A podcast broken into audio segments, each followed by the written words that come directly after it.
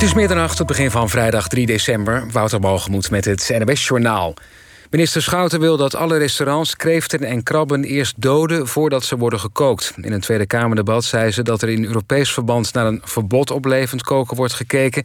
Totdat er is, moeten restaurants wat haar betreft zelf al stappen zetten.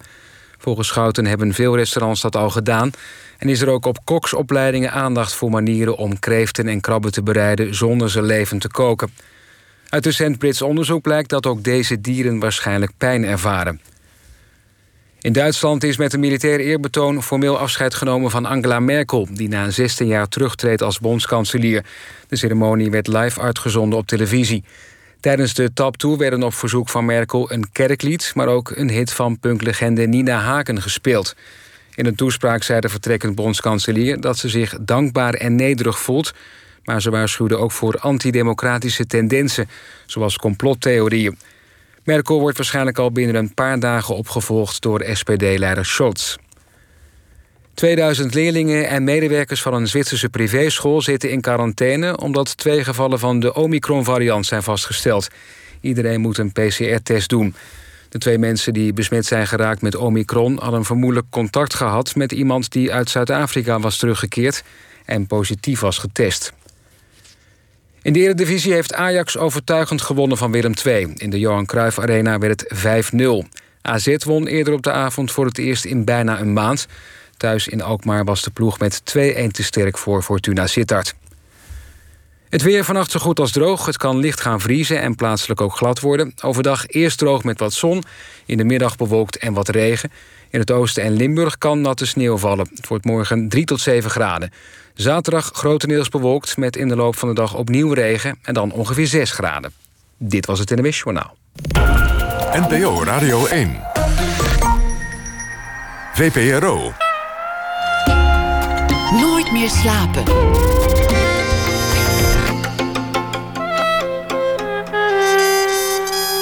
Met Pieter van der Wielen. Goedenacht en welkom bij Nooit meer slapen. Mijn gast uur draait al 25 jaar mee aan de top van de Nederlandse muziekwereld. En nog steeds blijven dromen uitkomen.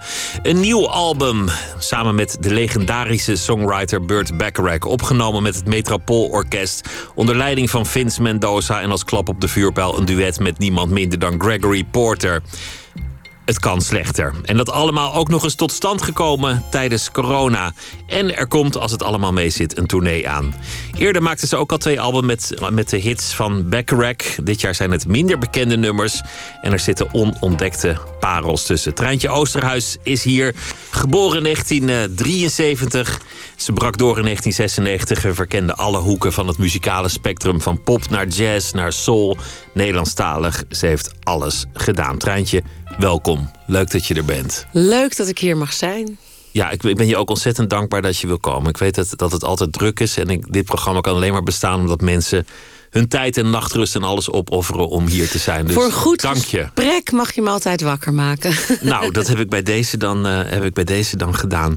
Dit, dit album, het is, het is eigenlijk onmogelijk dat dit tot stand is gekomen in deze periode. Zoveel Ja. mensen bij elkaar en zoveel hele bijzondere mensen bij elkaar.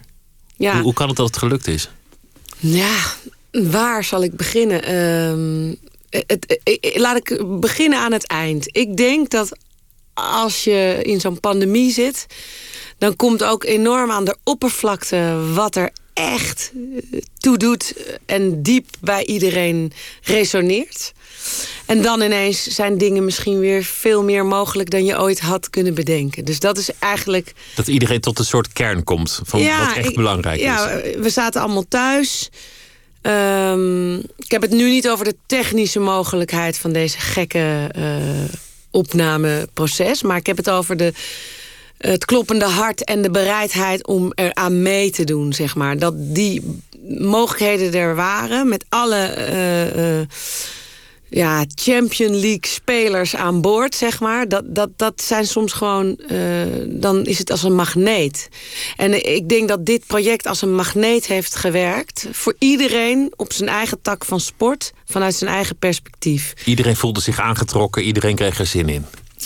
Ja, ik ben wel de initiator, maar eh, het is ook connecting dots. Want eh Burt Bacharach wordt hier gelukkig van. Vince Mendoza, de dirigent, producer-arrangeur, werd hier gelukkiger van. En Gregory Porter ook, want die vond het ook geweldig... dat hij, dat hij zo met, een, met het orkest wat hij gewoon een warm hart toedraagt... de grootmeester Bacharach...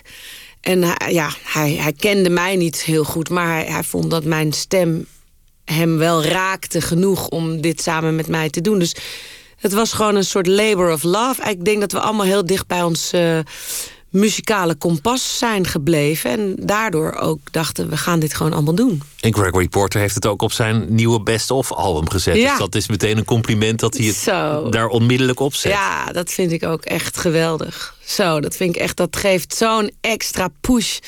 En, en, en ja, dat, maakt het voor mij uh, alleen nog maar mooier, ja. Op het, op het dieptepunt van de lockdown, toen er, toen er echt eigenlijk eventjes helemaal niks gebeurde in de wereld en iedereen half verschrokken op de bank zat. Toen, toen heb ik jou ook zien streamen vanuit je huis. Ja. Samen gewoon een gitaar en zang en dan vragen: Nou, oké jongens, welk liedje willen jullie horen? Ja. En het had eigenlijk ook wel een enorme charme. Dat het zo informeel was geworden. Ja, en dat was ook uh, eigenlijk hetzelfde proces. Want daar kwam ook weer aan de oppervlakte. Ja, goed, uh, weet je, iedereen heeft dat natuurlijk meegemaakt. Alles stortte in. En alle concerten, wij zaten midden in een tour. Alles werd afgezegd. En Alvin, mijn man, is de bandleider van, van die tour, zeg maar. Het album wat ik met Jet Rebel gemaakt had. Hebben we een bandje mee. En daar is Alvin de bandleider van. Dus wij zaten met ons gezin en met onze leven gewoon midden in een tour... wat opeens gewoon niet meer doorging. Toen zei ik, weet je, we gaan gewoon elke avond... vanuit de huiskamer knallen. Ik woonde toen uh, hier vlak om de hoek bij uh, Carré, bij de Magere Brug. Dus ons decor die, die was zag ook, ik ook Ja, waren die mooie lampjes. Mensen zeiden ook nog, nou ja, heb jij zo'n grappige screensaver achter je gehangen? Ik zei, nee, dat is echt ons uitzicht. Dus dat was heel uh, uh, romantisch en ook heel verstild. Want je zag geen bootjes, terwijl die grachten altijd natuurlijk...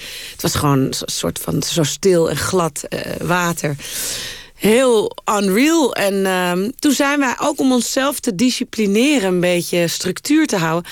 gewoon elke dag twee, drie nieuwe liedjes instuderen. Mensen gingen liedjes aanvragen. Die, die uh, doneerden ze aan elkaar. Een soort van ketting van hartverhalen door het land.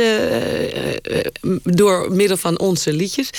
En dat gaf ons ook iets te doen. Dus wij moesten gewoon rond de lunchtijd echt die liedjes gaan uitzoeken. Want we hebben geloof ik 150 liedjes uit ons hoofd geleerd. En het kon alle kanten op En daar gingen we mee doen. En het was voor ons gezin. We hebben vier kinderen die allemaal thuis zaten. Was het ook een soort structuur van... nou, dan gaan we even uh, zij huiswerk maken. En dan gingen wij repeteren. En dan gingen we dat. En dat was gewoon een soort van dingetje. En dat hebben we heel erg veel plezier uh, aan gehad. En het heeft mij en Alvin ook wel weer um, nog dichter bij elkaar gebracht in dat duo spelen. Want het is natuurlijk heel wat anders met een band... of dat je het met z'n tweeën bent. Hadden jullie dat ooit veel gedaan? Want jullie hadden nee. natuurlijk onnoemelijk veel samengespeeld... en jullie zijn samen. Maar hebben jullie eigenlijk vaak duo gespeeld? Nee, we hebben helemaal niet zo heel veel samengespeeld. Eigenlijk niet.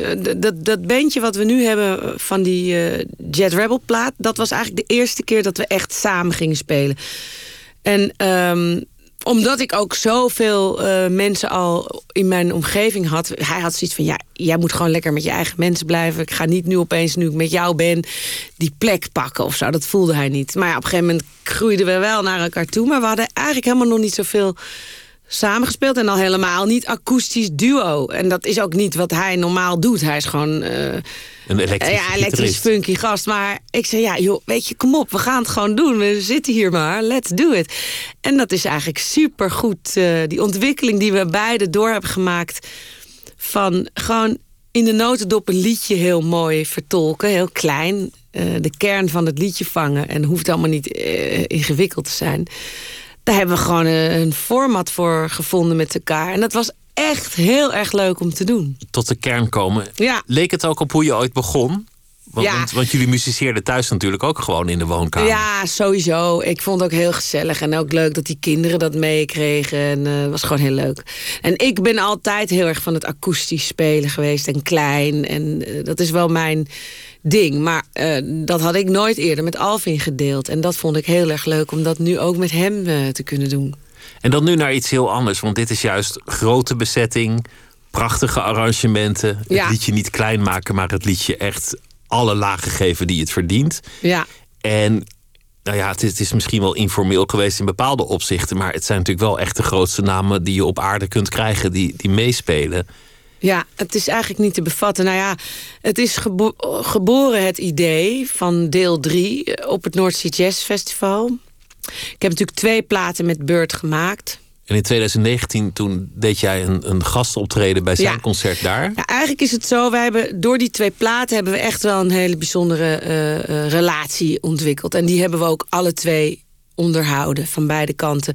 Altijd als Bert in Europa was, uh, vraag, vroeg hij mij, kom ook doe mee en dan was ik te gast. Hè. Of dat nou in, uh, in Parijs of, of, of uh, in, in Engeland ben ik maar. Ik ben ook mee geweest in Japan op tour. Dus ik heb, hij heeft ook echt geholpen om die platen in het daglicht te krijgen. En dan mocht ik mee. En nu was hij echt, zeg maar, heel lang niet geweest. En hij kwam naar het Noordzee. En toen belde zijn manager van... nou, als je er bent... Je hoeft er niks voor af te zeggen hoor. Maar als je er bent, zou je het leuk vinden om te komen. Ik zei, nou, ik ga daar alles voor afzeggen, ik kom. Maar ik, ik vond dat natuurlijk fantastisch. En toen, dat, dat was gewoon weer... De vonk schoot gewoon weer over. En uh, toen zag ik wel meteen, wow, hij is echt stukken ouder geworden. Want hij is nu 93? Ja, hij is nu 93. Hij wordt over een paar maanden 94.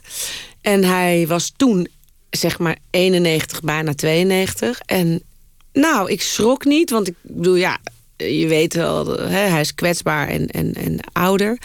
Maar ik zag wel van wow, dit is wel weer een andere fase dan de fase die ik hem daarvoor had gezien.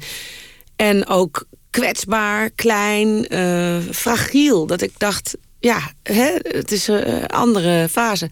En toen hebben we opgetreden en na afloop van het optreden um, spraken we. Uh, zijn zoon was erbij. En uh, we hadden een heel leuk gesprek. En uh, altijd inspirerend. Hij is echt een beetje een soort ehm, mentor voor mij. Hij volgt ook wat ik doe. En hij zei ook van... Goh, misschien moet je dat eens doen. Ik had een project met Ivan Lins gedaan. Ik weet niet of je dat wat zegt. Geweldenaar. Ja, ja, zeker. Toen zei hij, ja, dat liedje wat je toen op die plaat van Ivan Lins gezongen had... dat, dat beaamde hij, vond hij zo prachtig. En hij, hij, ging mij daarin... Um, ja, hij zei dat die richting ligt je ook goed. Het zou zo mooi zijn om daar op door. Dus we hadden een heel leuk uh, uh, gesprek. En toen in hetzelfde gesprek zei hij... bijna een soort van gegeneerd, want hij wil mij niet toe-eigenen. Maar hij zei, ja, would be great if we could do volume 3. En toen dacht ik, wat zegt hij nou? Meent hij dat nou? Of uh, heeft hij het nou over mij? Dus ik vroeg het ook aan zijn zoon die erbij zat ja, volume 3 with the Metropole and the whole team and do another one. En toen hoorde ik het echt goed. Hij bedoelde echt, laten we gewoon deel 3 opnemen. En toen dacht ik, ja, dit ga ik natuurlijk met beide handen aangrijpen. Want en ik las ergens dat... Dat is gewoon absurd dat hij dat uit zichzelf... Kijk, meestal... Maar, maar, hem werd gevraagd naar, naar de vertolkingen van zijn liedjes. Omdat dat, dat zijn muziek is eigenlijk het bekendst vertolkt door allerlei andere zangeressen. Ja. En hij noemde zo'n beetje als eerste jou. En, en dat, Wanneer was dat? Dat is een, een tijd terug, is, is hij op een Amerikaans station geïnterviewd. Oh, echt? Telefonisch. En toen heeft hij dat gezegd. Hij noemde de hele oh. Maar dit is natuurlijk het bijzondere. dat wist ik niet eens. Dat vind ik wel heel tof om te en horen. Wat het bijzondere is, is hij heeft, kijk, die liedjes van hem zijn gezongen door, door Dionne Warwick, door, door Dusty Springfield, uh, Aretha Franklin, nou, noem ze maar. Allemaal fantastische stemmen. Ja. Maar hij is ook afhankelijk van de vertolkers van zijn liedje. Ja. Om zijn boodschap over te brengen. Ja. Jij bent het vehikel voor hem om zijn kunst aan de wereld te brengen. Ja, dat is het. En daardoor heb je eigenlijk per definitie al een uh, relatie. En uh, ja, weet je wat het is? Um, ik ben net bij hem geweest in Amerika. En daar, in L.A. is dat? Ja, in L.A. Uh, daar maakte hij ook dat compliment wat, wat mij super diep raakt natuurlijk. Want een mooier, mooier um, confession of uh, bestendige, bevestiging van onze uitwisseling kan ik niet krijgen. Hij zei ja, uh, a singer like Treintje is je best friend. Want um, ik, heb, ik kan een liedje een ziel inzingen... maar ik blijf ook in het keurslijf van het liedje. En er zijn natuurlijk heel veel stemmen die zo excelleren dat ze over dat randje gaan. Wat ook goed is. Het is niet het een of het ander, maar hij houdt ervan. Het is ook een beetje een dressuur. Wat je, eh, je bent een paard, uh, een renpaard op stal. En af en toe loop je de dressuur zo goed mogelijk. En dan mag je af en toe in galop en daarna weer terug. Je bent dienend aan het lied. Ik ben dienend aan het lied. En niet omdat ik dat zie als een compromis... of omdat ik daar uh, het gevoel heb dat ik mijn keutel in moet houden. Dat is het niet. Ik, ik voel gewoon niet meer de noodzaak dan het liedje zo mooi mogelijk zingen. Het liedje doet voor mij genoeg. De tekst, de melodie, die twee uh, uh, belangrijke uh, elementen vervullen mij hard als ik het zing. Dat voelen ze gewoon een fysieke toestand. Als jij zo'n liedje zingt, ik zeg het altijd, liedjes gaan allemaal langs je hart. Hè? Dan voel je dat het landt. Dan voel je, wauw, ik hoef eigenlijk niks meer te doen. Ik hoef het niet te overcompenseren. Ik hoef het ook niet te ondercompenseren. Ik hoef eigenlijk gewoon alleen maar de woorden op die melodie zo mooi mogelijk te zingen. En that's it. En het klinkt nu makkelijker gezegd dan gedaan, maar dat is iets waar hij heel gelukkig van wordt. Hij vindt zangers die afwijken van de melodielijn... of heel veel improvisaties of ad-libs, zoals je dat noemt, doen... vindt hij soms irritant. Omdat het afleidt van, van wat hij wil zeggen? Afleidt en soms ook niet altijd toevoegt aan de essentiële boodschap... die er al schuil gaat in de tekst en de melodie. En, en ik voel bij dit repertoire... voel ik me gewoon helemaal samenvallen met dat wat er al geschreven is, heb ik gewoon echt geen behoefte om van, van het malletje af te wijken. En dat is waar hij. Daar, vindt, daar gedijt hij het beste bij. Dus... Het is ook een zaak van vertrouwen. Hij vertrouwt jou zijn nummers toe. Hij, hij heeft het idee dat het in goede handen is als hij het aan jou geeft, omdat jij het kan overbrengen zoals hij het bedoelt. Ja, zo heeft hij het bedoeld. En dat is ook een ijdele man, hè? Het is ook een egoïst eigenlijk, want hij wil het gewoon horen zoals hij het wil. En een, strenge man bij. Een strenge man, ja. En ik heb ook altijd, als ik met hem werk en we zitten aan de piano en hij leert mij de melodie, dat is gewoon dat is gewoon woordjes stampen, weet je wel. Dat is, want die melodieën zijn elke keer net anders dan je denkt. Ik lees geen noten, dus ik doe alles op mijn gehoor. En de maatwisselingen en de, en de noten. Het is echt veel genuanceerder uh, uh, dan je zo denkt. En dat vergt echt studie. Ik heb echt moeten studeren op die partijen. Um, en dan ga, gaat uren in zitten daar is hij heel principieel in. De toonsoort ook, de tempo's, of het bij jou past en niet. En dat je het helemaal doet. En dan ben je helemaal murf gestudeerd. En daarna zegt hij... En nou moet je het allemaal vergeten en doe het nummer zoals je het zelf voelt. Maar hij wil wel dat je het eerst helemaal doet zoals het bedoeld is. En daarna moet je, zit het zo in je systeem en dan ga je het met je eigen gevoel doen. En dan komt eruit hoe hij het bedoeld heeft. En, en hoe is dat dan nu gegaan tijdens, tijdens corona? Want, want je bent net in L.A. geweest, maar lange tijd kwam je er gewoon niet in. Nee, dat was eigenlijk heel raar, want uh, ik wilde in augustus al gaan. Maar kijk, weet je, wij wisten niet hoe lang dit zou gaan duren, deze periode. En ik heb gedacht, ik ga er toch liever voor dat we die plaat maken... maar dan maar met elkaar op afstand... dan dat we het niet doen. En hij is er straks misschien niet meer. Ja, weet je, niet dat hij nou elk moment neer kan vallen... maar hij is echt wel fragiel en kwetsbaar... En nog in, een, nog in zijn kracht. Dus uh, het is gewoon jammer als je zo'n aanbod krijgt van iemand om dat dan niet serieus te nemen. En dan later te denken, shit, had ik het nou maar... Weet je, dat wilde ik mezelf gewoon niet. Ik zou mezelf echt voor de kop geslagen hebben als ik dat gedaan had. En toen dacht ik, het geeft me ook een, een purpose en een, en een structuur in deze rare tijd... waarvan je niet weet hoe lang dat nog kan duren. En we kenden elkaar al heel goed. En Vince Mendoza, mijn producer, dirigent... die ook jarenlang met, met Paul gewerkt heeft... kende iedereen ook goed. Dus er was een enorm, wat je zei, vertrouwen een beginpunt van waaruit we dat ook konden doen. Als dit de allereerste plaat was die we ooit samen hadden gemaakt... dan was misschien dat een grotere hobbel. Handicap geweest. Maar nu... Maar het kan natuurlijk tegenwoordig heel makkelijk, hè? Via de, via de laptop met elkaar in contact ja, staan. precies. We hebben gewoon het was eigenlijk bizar. We zaten allemaal. De arrangementen zijn natuurlijk allemaal van tevoren geschreven. De toonsoorten, de tempo's, de demo's, die heb ik allemaal gemaakt en hem opgestuurd. Dus hij heeft alles van tevoren allemaal kunnen meebeslissen. Wat wel, wat niet. Welke liedjes gaan eraf, welke komen erbij. En toen we helemaal hadden gekozen, dit wordt het. En dit zijn de arrangementen. Toen gingen we het echt opnemen. En toen hadden wij het geluk dat het Metropoolorkest... die heeft het omroepgebouw tot zijn beschikking. En daar zitten gigantische ruimtes. Dus wij konden dat orkest over meerdere ruimtes verspreiden met koptelefoons en kabels. En de controlekamer had dan allemaal schermpjes op. En iedereen had in zijn eigen kamer ook schermpjes dus op. Dus de social distancing was, was gewaarborgd? Er was gewaarborgd. En we zaten op in-ears. En uh, we hebben enige ding was dat er geen dirigent was, want onze producer zat in Amerika. Maar we hebben alles op een kliktrack gedaan. Dat is een technisch iets, maar dan de tempo's en de tempowisselingen. Zodat uh, er geen dirigent meer nodig was. Iedereen kon het klikje horen. Dus die ging in plaats van op de slag van een dirigent op het klikje. En hij zat dan achter het scherm mee te luisteren met een hoge kwaliteit audiolink. Waardoor je dus niet je zag elkaar, maar je hoorde het heel goed. En hij kon ook gelijk ingrijpen als het niet goed ging. Maar omdat je op een tijdscode zat... dus net als het monteren van een film op een tijdscode... Kon je, konden we dat precies... Uh, uh, zeg maar stopzetten op, op zoveel maten. En dan kwam je altijd hetzelfde uit. Als je, terwijl als je dat niet op een tijdscode doet... dan was het wel een probleem geworden.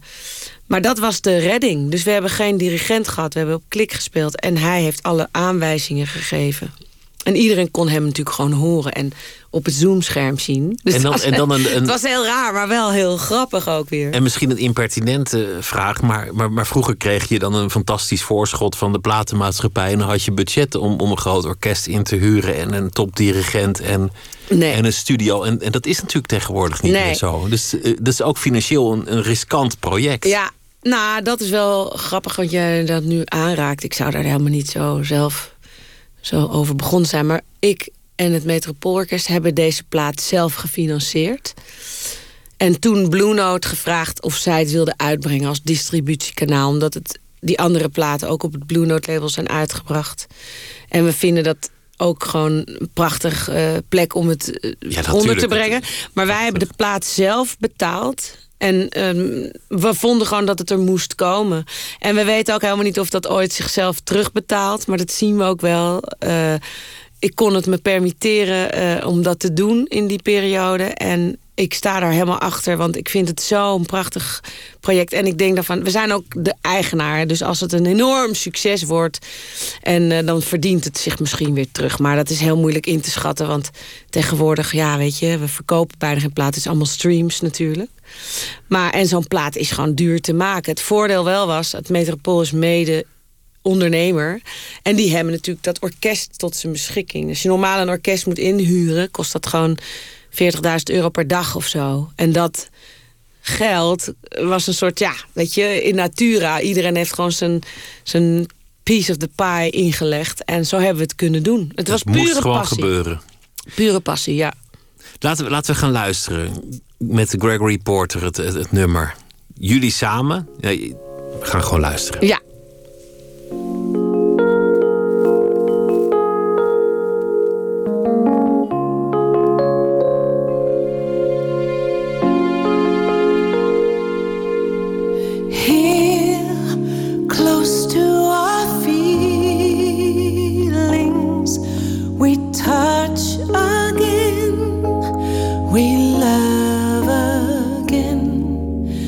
Remember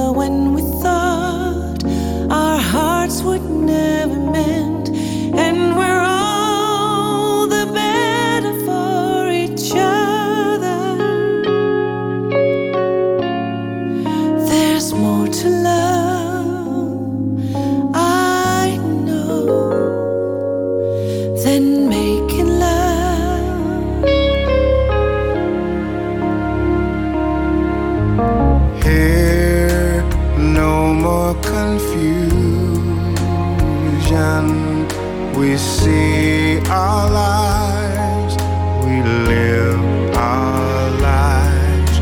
Remember when we thought we never would survive, but now neither one of us is breaking. There's more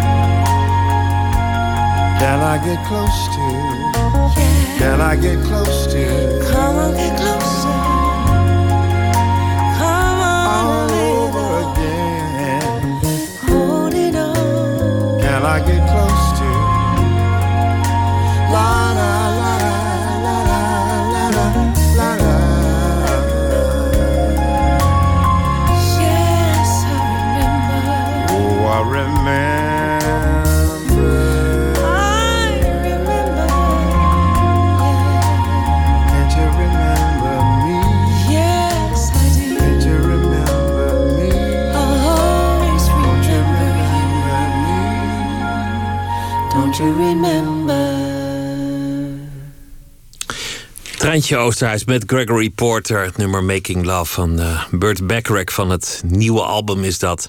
En we hadden het over eh, 2019, een gastoptreden op North Sea Jazz bij Burt Bacharach. En toen zei hij na afloop, zullen we er nog eentje doen? Zullen we een derde album maken? En hij meende het. En toen kwam er corona.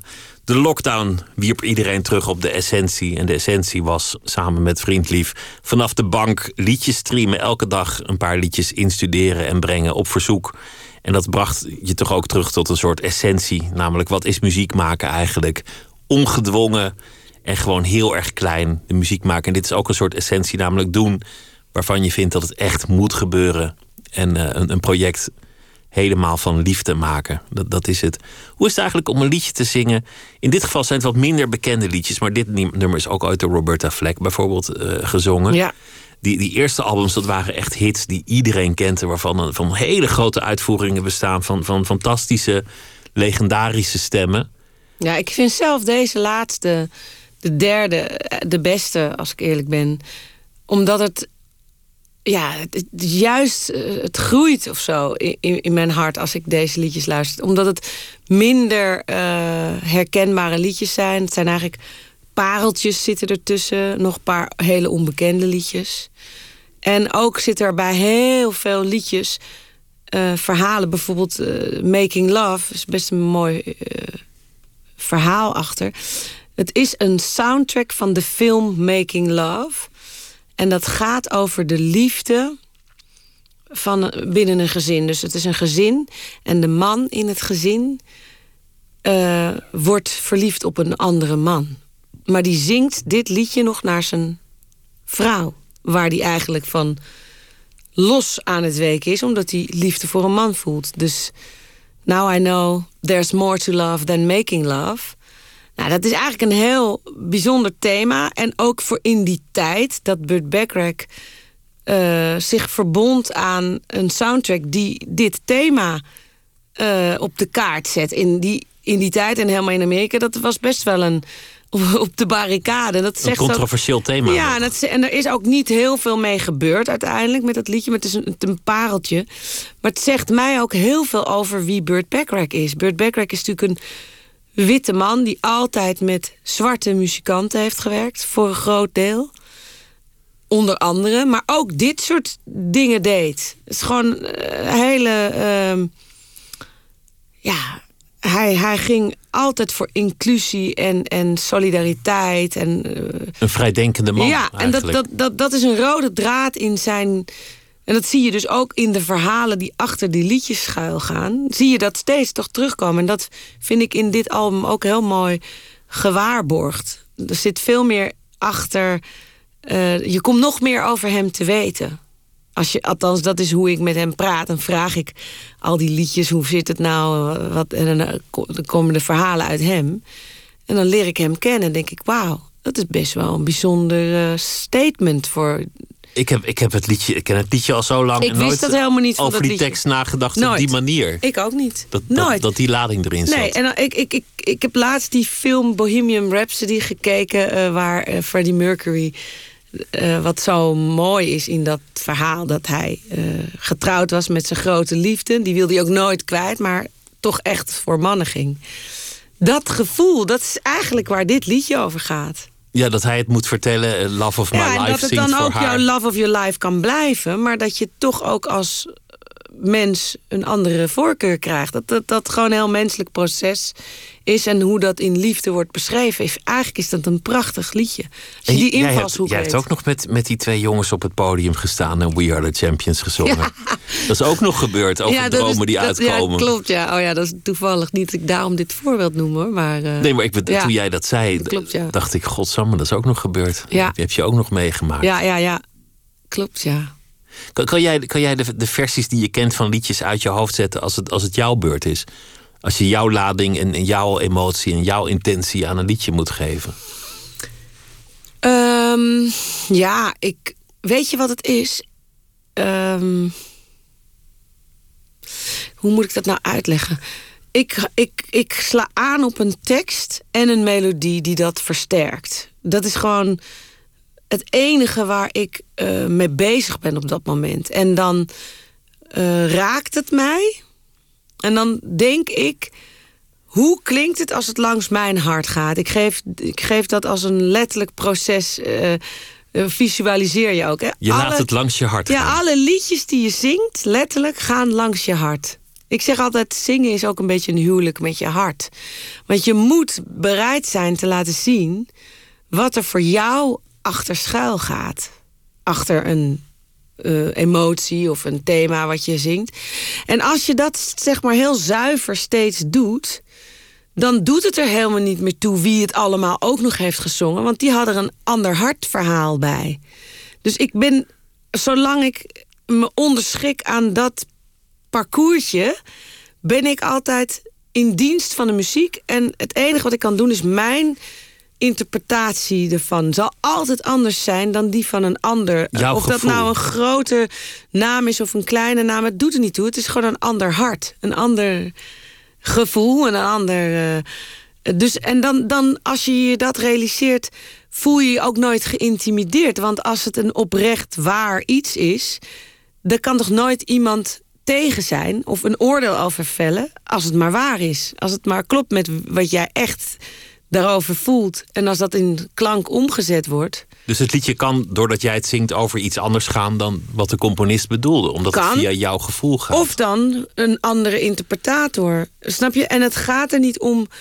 Ik kijk nooit naar of luister nooit naar muziek in goed of slecht. Of eh, die is eh, geweldig en die is minder goed. Het gaat om. eh, het is iemand anders zijn verhaal.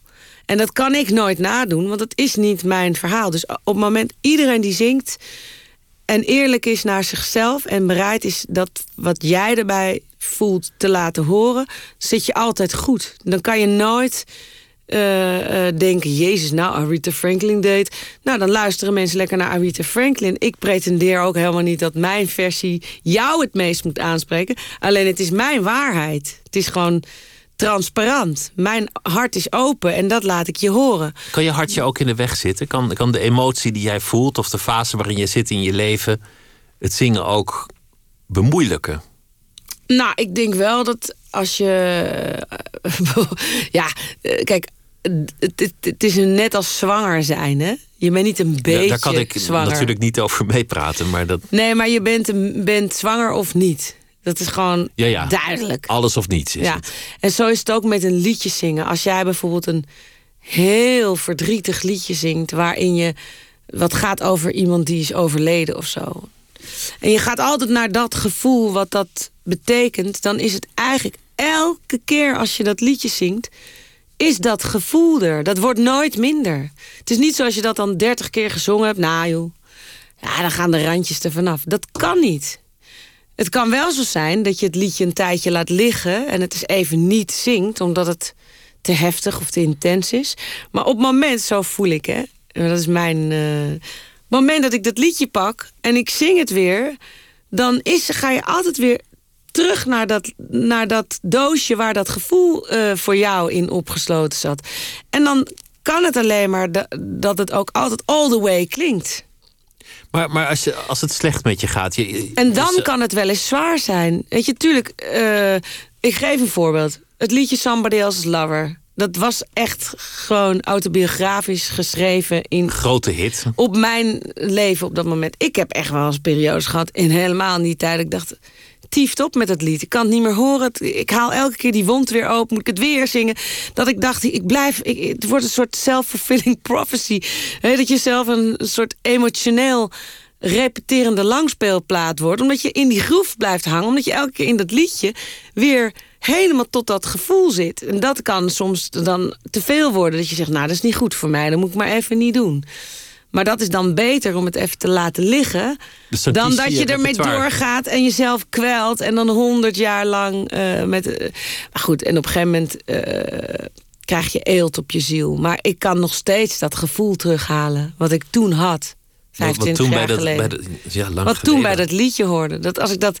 Dat kan, maar dat is ook logisch. Dat is toch wat muziek en liedjes doen. Dat zijn eigenlijk je- een- soundtracks van je leven. Zanger is een raar beroep, want je stem is naakt. Je Ja. stem, je stem is een, een hele directe vertaling van wie jij bent, wat je voelt op dat moment. Ja, En jij staat op een podium, heel veel mensen luisteren naar jouw stem. ja. Als, als je een echtscheiding hebt, dat, dat is alweer jaren geleden. En, en het gaat gewoon niet zo goed en, en je voelt je niet lekker. Je moet wel met die naakte stem op dat podium. ja. Dat, dat lijkt me een Nee, heel kwetsbaar proces. Dat is het ook. En dat is, dat is soms heel eh, lekker als je er dan even lekker van je af kan zingen of zo. Maar het kan ook soms heel intimiderend zijn. En ehm, de polariteit tussen ehm, het ene uiterste naar het andere uiterste kan soms gewoon te groot zijn. Waardoor je dat gewoon even niet kan. Dat heb ik echt wel gehad. Hoe doe je dat dan? Als je, als je een tour hebt staan en dat het eigenlijk gewoon moeilijk gaat? Nou ja, er, er toch doorheen. Gewoon rammen. Nou, niet rammen hoor. Ik ga nooit eh, walsen over mijn eh, gevoel. Ik zorg wel voor mezelf. Maar het is echt wel soms moeilijk en pijnlijk. En dan moet je door iets heen. Maar ik denk dat dat een proces van een scheiding is sowieso pijnlijk en iets waar je doorheen moet. En, en het- het gaat misschien dan zelfs wel heftiger als je er doorheen gaat op zo'n manier. Maar ja, ik denk ook altijd ehm, het gaat ook weer over. En eh, het kan ook een uitlaatklep zijn. Dus het is, het is alleen net ook hoeveel krijg je er tegelijk van op je bordje. Sommige eh, processen zijn net even iets te zwaar of zo. En sommige processen zijn eh, ehm, daardoor moeilijker. Maar het, het levert ook altijd op dat je er weer heel veel inzichten door krijgt. Ofwel over jezelf, ofwel door de mensen om je heen. Dus het, is, het, heeft, het heeft een achterkant, maar ook een voorkant. Dat dat zwaar is. Heb je jezelf als echt het podium op moeten slepen? Ja, regelmatig. Tuurlijk. Vreselijk. Dat heb ik echt wel gehad. Hoe en niet dat? omdat ik bang was dat ik niet kan zingen. Want zingen weet ik wel dat ik dat kan. Weet je wel, al voel ik me nog zo beroerd. Ik heb gewoon, dat is altijd aan. Dat is, dat is best wel eh, een blessing. Dus, maar het is ook tegelijkertijd soms wel gek, want dat ha- haalt mij nooit terug. Ik, ik weet bijvoorbeeld, mijn schoonzusje, Celia, die heeft... als zij bijvoorbeeld eh, spanningen krijgt... gaat haar stem sneller... eh, dat ze hees wordt of iets. En eh, dat heb ik gewoon niet zo snel. Dus dat is ook een gevaar, dat je gewoon door kan gaan... terwijl je lijf en je fysiek en je mentaal dat helemaal niet voelt. Maar die stem doet het altijd maar. En dan ga je soms ook wel eens bijna aan de dingen voorbij... die misschien wel wat meer tijd nodig hebben. Dus dat, dat is gewoon een, een proces waar ik ook niet altijd eh, eh, zonder kleerscheuren af ben geweest. Ik heb echt wel eens dat ik dacht, jezus. Weet je, dat je dan achteraf denkt, had ik het anders moeten doen. Maar ja, eh, dat is het menselijke, toch? Het leven, je kan het niet van tevoren weten hoe je Zoals je leeft. soms ergens aankomt en denkt: ik ben er, maar wie heeft er eigenlijk gereden? Was ik dat? zo, zo kan je dat zingen ook kan- is hebben. een goed voorbeeld, ja. Ja, Want je, jij coacht ook, ook jongere zangers, of je geeft ook wel eens adviezen. ja. W- wat zeg je dan hierover? Hoe moet je omgaan met het gevoel in je stem? Nou, ik zeg altijd... Het voelt alsof je in je rosse string over de Albert Kuip rent. En dat blijft ook zo. Dat gaat ook nooit Dat wordt niet veranderen. beter. wordt niet beter. Daar moet je gewoon mee leren omgaan. En wat ik altijd, als ik met mensen zing... of ze nou zanger willen worden of gewoon willen zingen... ik denk dat het waar je het zelf het meest van opknapt... waar- waardoor je er ook echt wat aan hebt om te zingen... voor jezelf, eh, waar, waar je enorm in je kracht kan komen te staan... is dat je gewoon... Het is een beetje als een soort parachute springen. Je springt onvoorwaardelijk of je nou uitklapt of niet. Dat moet je gewoon bereid zijn te doen. En dan in combinatie met trouw zijn aan jouw hart. Ik zeg echt voor, niet voor niks, het is een huwelijkje met je hart. Als ik met mensen werk in, in, in, in masterclasses of zo... dan zeg ik altijd het eerste... klopt het wat jij aan het doen bent? Ben je te dapper of ben je nou te verlegen? Of ben je te brutaal? Of ben je... Dat hoor je aan een stem. Of je brutaal bent of overmoedig of, of te of je verlegen. bluft of, of je Je, hoort ook wel eens stemmen die veel te bescheiden klinken... terwijl ze gewoon veel eh, meer mogen zeggen... you're being small doesn't serve the world. Hè? Wat je gewoon ook moet ownen. Als je echt iets goed kan, ga daar maar dan voor staan. Dat mensen dan zeggen, nou sorry dat ik besta, ik doe het maar niet. Dat is ook gek. Maar overmoedig zijn is ook gek. Dus je hoort heel snel aan een stem wat waar is in jouw eigen karakter of in je eigen zelfbeeld. Sommige mensen hebben helemaal geen goed zelfbeeld en klinken ook niet zoals ze echt zijn. En dat is een heel interessant proces om te, te leren kennen van jezelf. Heb ik ook van mezelf leren kennen door te zingen van hè, hoe werkt dat voor mij? En het, het eh, ontrafelen van dat proces lukt meteen als je mensen laat zingen. Meteen. Ik vind het ook altijd fascinerend als je niet heel geweldige zangers hebt die puur door bravoer iets fantastisch tot stand brengen. En, en Jim Morrison is denk ik niet echt een aanwinst voor de opera van Milaan, maar door zijn enorme zelfvertrouwen en voluit gaan en staan achter wat hij doet, Ja. overtuigt het je. En En, maar hij klinkt toch heel erg eerlijk. exact. Hij, er zit dus, dus niks aan wat hij produceert aan klank wat je niet gelooft. En daardoor voelt het, neem je het aan als luisteraar. En dat is eigenlijk het enige wat telt. En dat probeer ik vaak aan, aan mensen uit te leggen. Van, dat is het eerste wat je moet zoeken in jezelf. Is wie wil jij laten zien? Weet je zelf wel wie, hoe je je voelt, wie je bent en wat laat jij nou zien? Klopt dat met wat jij voelt? Sommige mensen weten helemaal niet wat ze voelen. Geen idee. Sommige mensen lopen, eh, weet ik veel hoe lang rond met een perceptie van zichzelf die helemaal niet klopt. Terwijl als je ze laat zingen, krijg je zo'n Willy Wortellampje. Dat je denkt, hè? Oh, Ben ik dat? nou, niet ben ik dat. Oh, dus die dachten dat ze boos waren, maar ze waren eigenlijk bang. Of andersom, weet je. Die hebben wel geen idee. Maar als je gaat zingen, verraadt alles zich meteen. En dat is een fascinerend proces. Voor mensen die heel graag willen zingen is het al fascinerend. Maar ook voor mensen die gewoon meer over zichzelf willen leren kennen. Dus eigenlijk gewoon een soort therapeutisch... eh, Therapeutisch zingen. Ja. Zullen we nog luisteren naar een, ander liedje dat je hebt opgenomen van, van Bacharach? Dit, dit is ook zo'n mooi eh, stuk. Maybe. ja. Grappig dat je deze hebt gekozen. Dat vind ik zo'n mooi stuk. Ja? Leuk.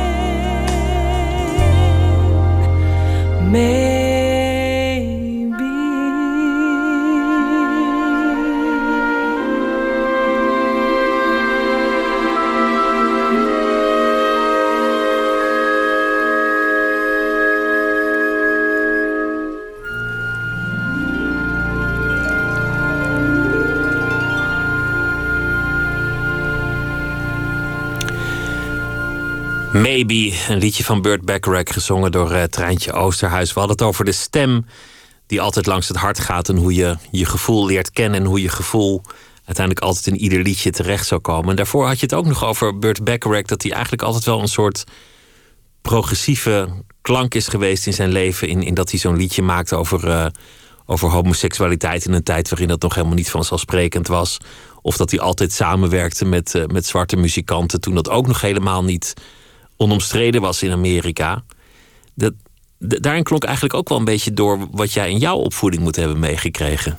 Ja. Via, via je vader, toch, toch een, een, eh, een uitgetreden priester, maar toch ook altijd een, een stem van verbinding. Ja, nou, of in ieder geval solidariteit, hè.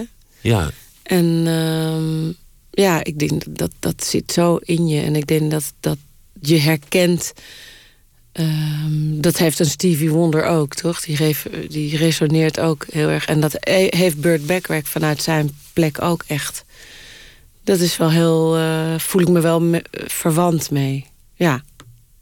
Stevie Wonder kreeg, kreeg op een gegeven moment op zijn kop van Motown... van we gaan geen politiek doen in, eh, in, de, in de tijd Ja. van de baas. En, en Marvin Gaye hetzelfde. Ja. En toen hij het uiteindelijk toch ging doen... heeft, heeft hij tijdloze muziek gemaakt. Ja. ja, je moet gewoon vrij zijn. En ook, dat vind ik wel belangrijk. Dat doet Burt Bacharach ook nog steeds. Je realiseren dat... eh, ehm, ik, zeg niet dat iedereen zich als een soort profeet moet opwerpen. Maar je kan je ook, je, weet je, je kan het niet doen of wel doen. En het wel doen van je stem laten horen en een voorbeeld daarin zijn. eh, Dat gaat enorm veel mensen inspireren. En dat creëert een olievlek onder mensen. Van zo kan het ook. En dus als je dat niet doet. dat is een gemiste kans, weet je. En dat is, dat is wel iets wat Burt Bacharach zich ook altijd heeft gerealiseerd. Van ja, ik heb deze positie. Ik kan met mijn muziek mensen raken.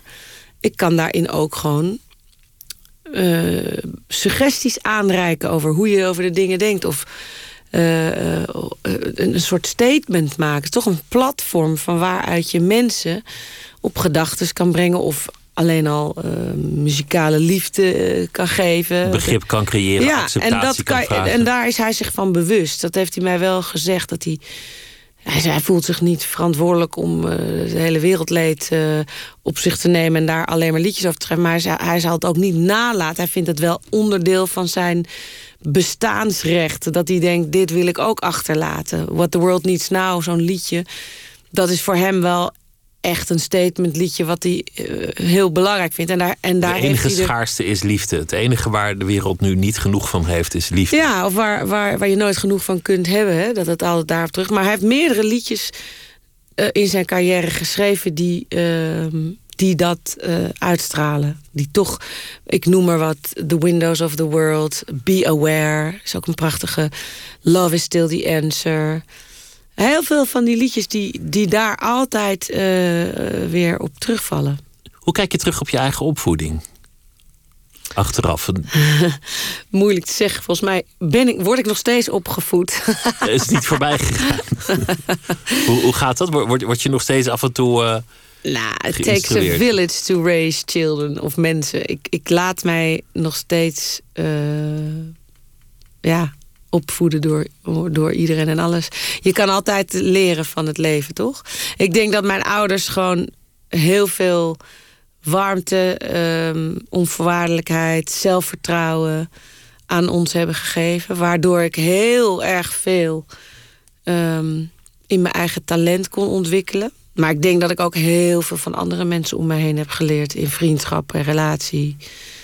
Waardoor ik uh, ook heel veel, heel veel aan te danken heb. Het is niet dat mijn ouders de enige verantwoordelijke zijn voor de opvoeding. Voor, voor wie jij geworden bent. Ja, ik denk, denk dat dat bij iedereen zo is, toch? Maar ik vind, ik vind dat ik een veilig, warm nest heb gehad. En in de zin van waarden die ze je hebben meegegeven, omdat je, dat je vader natuurlijk altijd heel vocaal is geweest over allerlei opvattingen over mens zijn en samenleving en mm. verdraagzaamheid. Ja ja, dat, dat krijg je zo diep met de paplepel mee dat ik kan niet. Ik, heb, ik weet niet, ik weet niet beter dan dat. Dat is denk ik gewoon. Uh, ja. En dat heeft eigenlijk niks met geloven te maken. Het is gewoon goed. Uh, goed zijn, goed voor elkaar zijn. Uh, daar, daarin geloven dat dat kan. En, daar en daar ook altijd heel bewust voor kiezen, voor die optie. Als in goed. Um, nou, je kan altijd, als je een situatie voor je hebt, kan je altijd meerdere keuzes maken. En dan zou ik altijd proberen, als ik daarin uh, mijn ego te groot is, dan uh, zit er altijd een stemmetje achterin. Kijk nou eens even naar hoe dat dan voor een ander is. Zou jij dat, uh, hoe zou jij het vinden als een ander dat bij jou deed? Dat. En is dat eerlijk, weet je wel? Is het, dat, dat, dat zit gewoon aan de oppervlakte of zo... bij heel veel dingen die ik denk of doe of... Uh, die opties, die, die, die schieten die altijd door je hoofd. Nou, die heb je. Tuurlijk, ieder mens is egoïstisch. Ieder mens heeft een ego. Ieder mens... Tuurlijk. En heel, heel ook zeker in het artiestenleven, eh, dat is gewoon zo. Maar ik geloof ook toch wel in... Um, in de verbinding tussen mensen... doordat je elkaar uh, ook laat zijn wie je bent. Dus uh, snap je? Ja, dat klinkt raar. Zonder elkaar vast te houden of te claimen. Dus gewoon in het, in het loslaatproces geloof ik eigenlijk ook in de verbinding. Want je, want je zei net iets heel moois. Van, van de wereld heeft er niets aan als, als jij je klein houdt. Ja. Dat vind, dat vind ik wel een mooi gezegde eigenlijk. Ja. Van, van excelleer maar, daar, daar, daar heeft de rest ook meer aan. Ja, excelleer, want daar kunnen andere mensen zich aan optrekken. Maar het mag nooit ten koste van een ander gaan. Maar jouw groei is nooit de niet-groei van een ander, snap je? Zo is het gewoon niet. Je hoeft je niet in te houden om een, om een ander. Nee, ik sterker nog, als ik nou heel erg naar mezelf kijk. Ik heb uh, toevallig toen ik heel jong was, ben ik ooit naar een concert van Stevie Wonder gegaan. Stevie Wonder is voor mij echt de reden dat ik misschien wel überhaupt ben gaan zingen. En het referentiekader wat ik ooit had was, daar begon het allemaal mee. Ik kwam bij een concert in Rotterdam. En het was een heel raar georganiseerd concert, want er waren bijna geen mensen. Dat je echt denkt, hoe kan dit waar zijn? Een malieveld vol uh, gras, maar geen mensen. Er waren geloof ik een paar honderd man en er konden er wel 50.000 op. Dus wij stonden vooraan. En, en omdat er bijna niemand was, kon ik uh, zo, hup, backstage die kleedkamers binnenglippen. Ik was toen echt zo'n fanatiek. Ik was denk ik 19 of 18 of zo. Dus wij naar binnen met een paar vriendinnetjes naar binnen geglipt. En daar ontmoette ik zijn uh, backing vocalist. En wij gingen gelijk zingen en dollen. En heel leuk met al die muzikanten. En ik stond opeens gewoon naast Stevie Wonder. Want die gast introduceerde me aan hem. Nou, daar had ik twee dingen kunnen doen.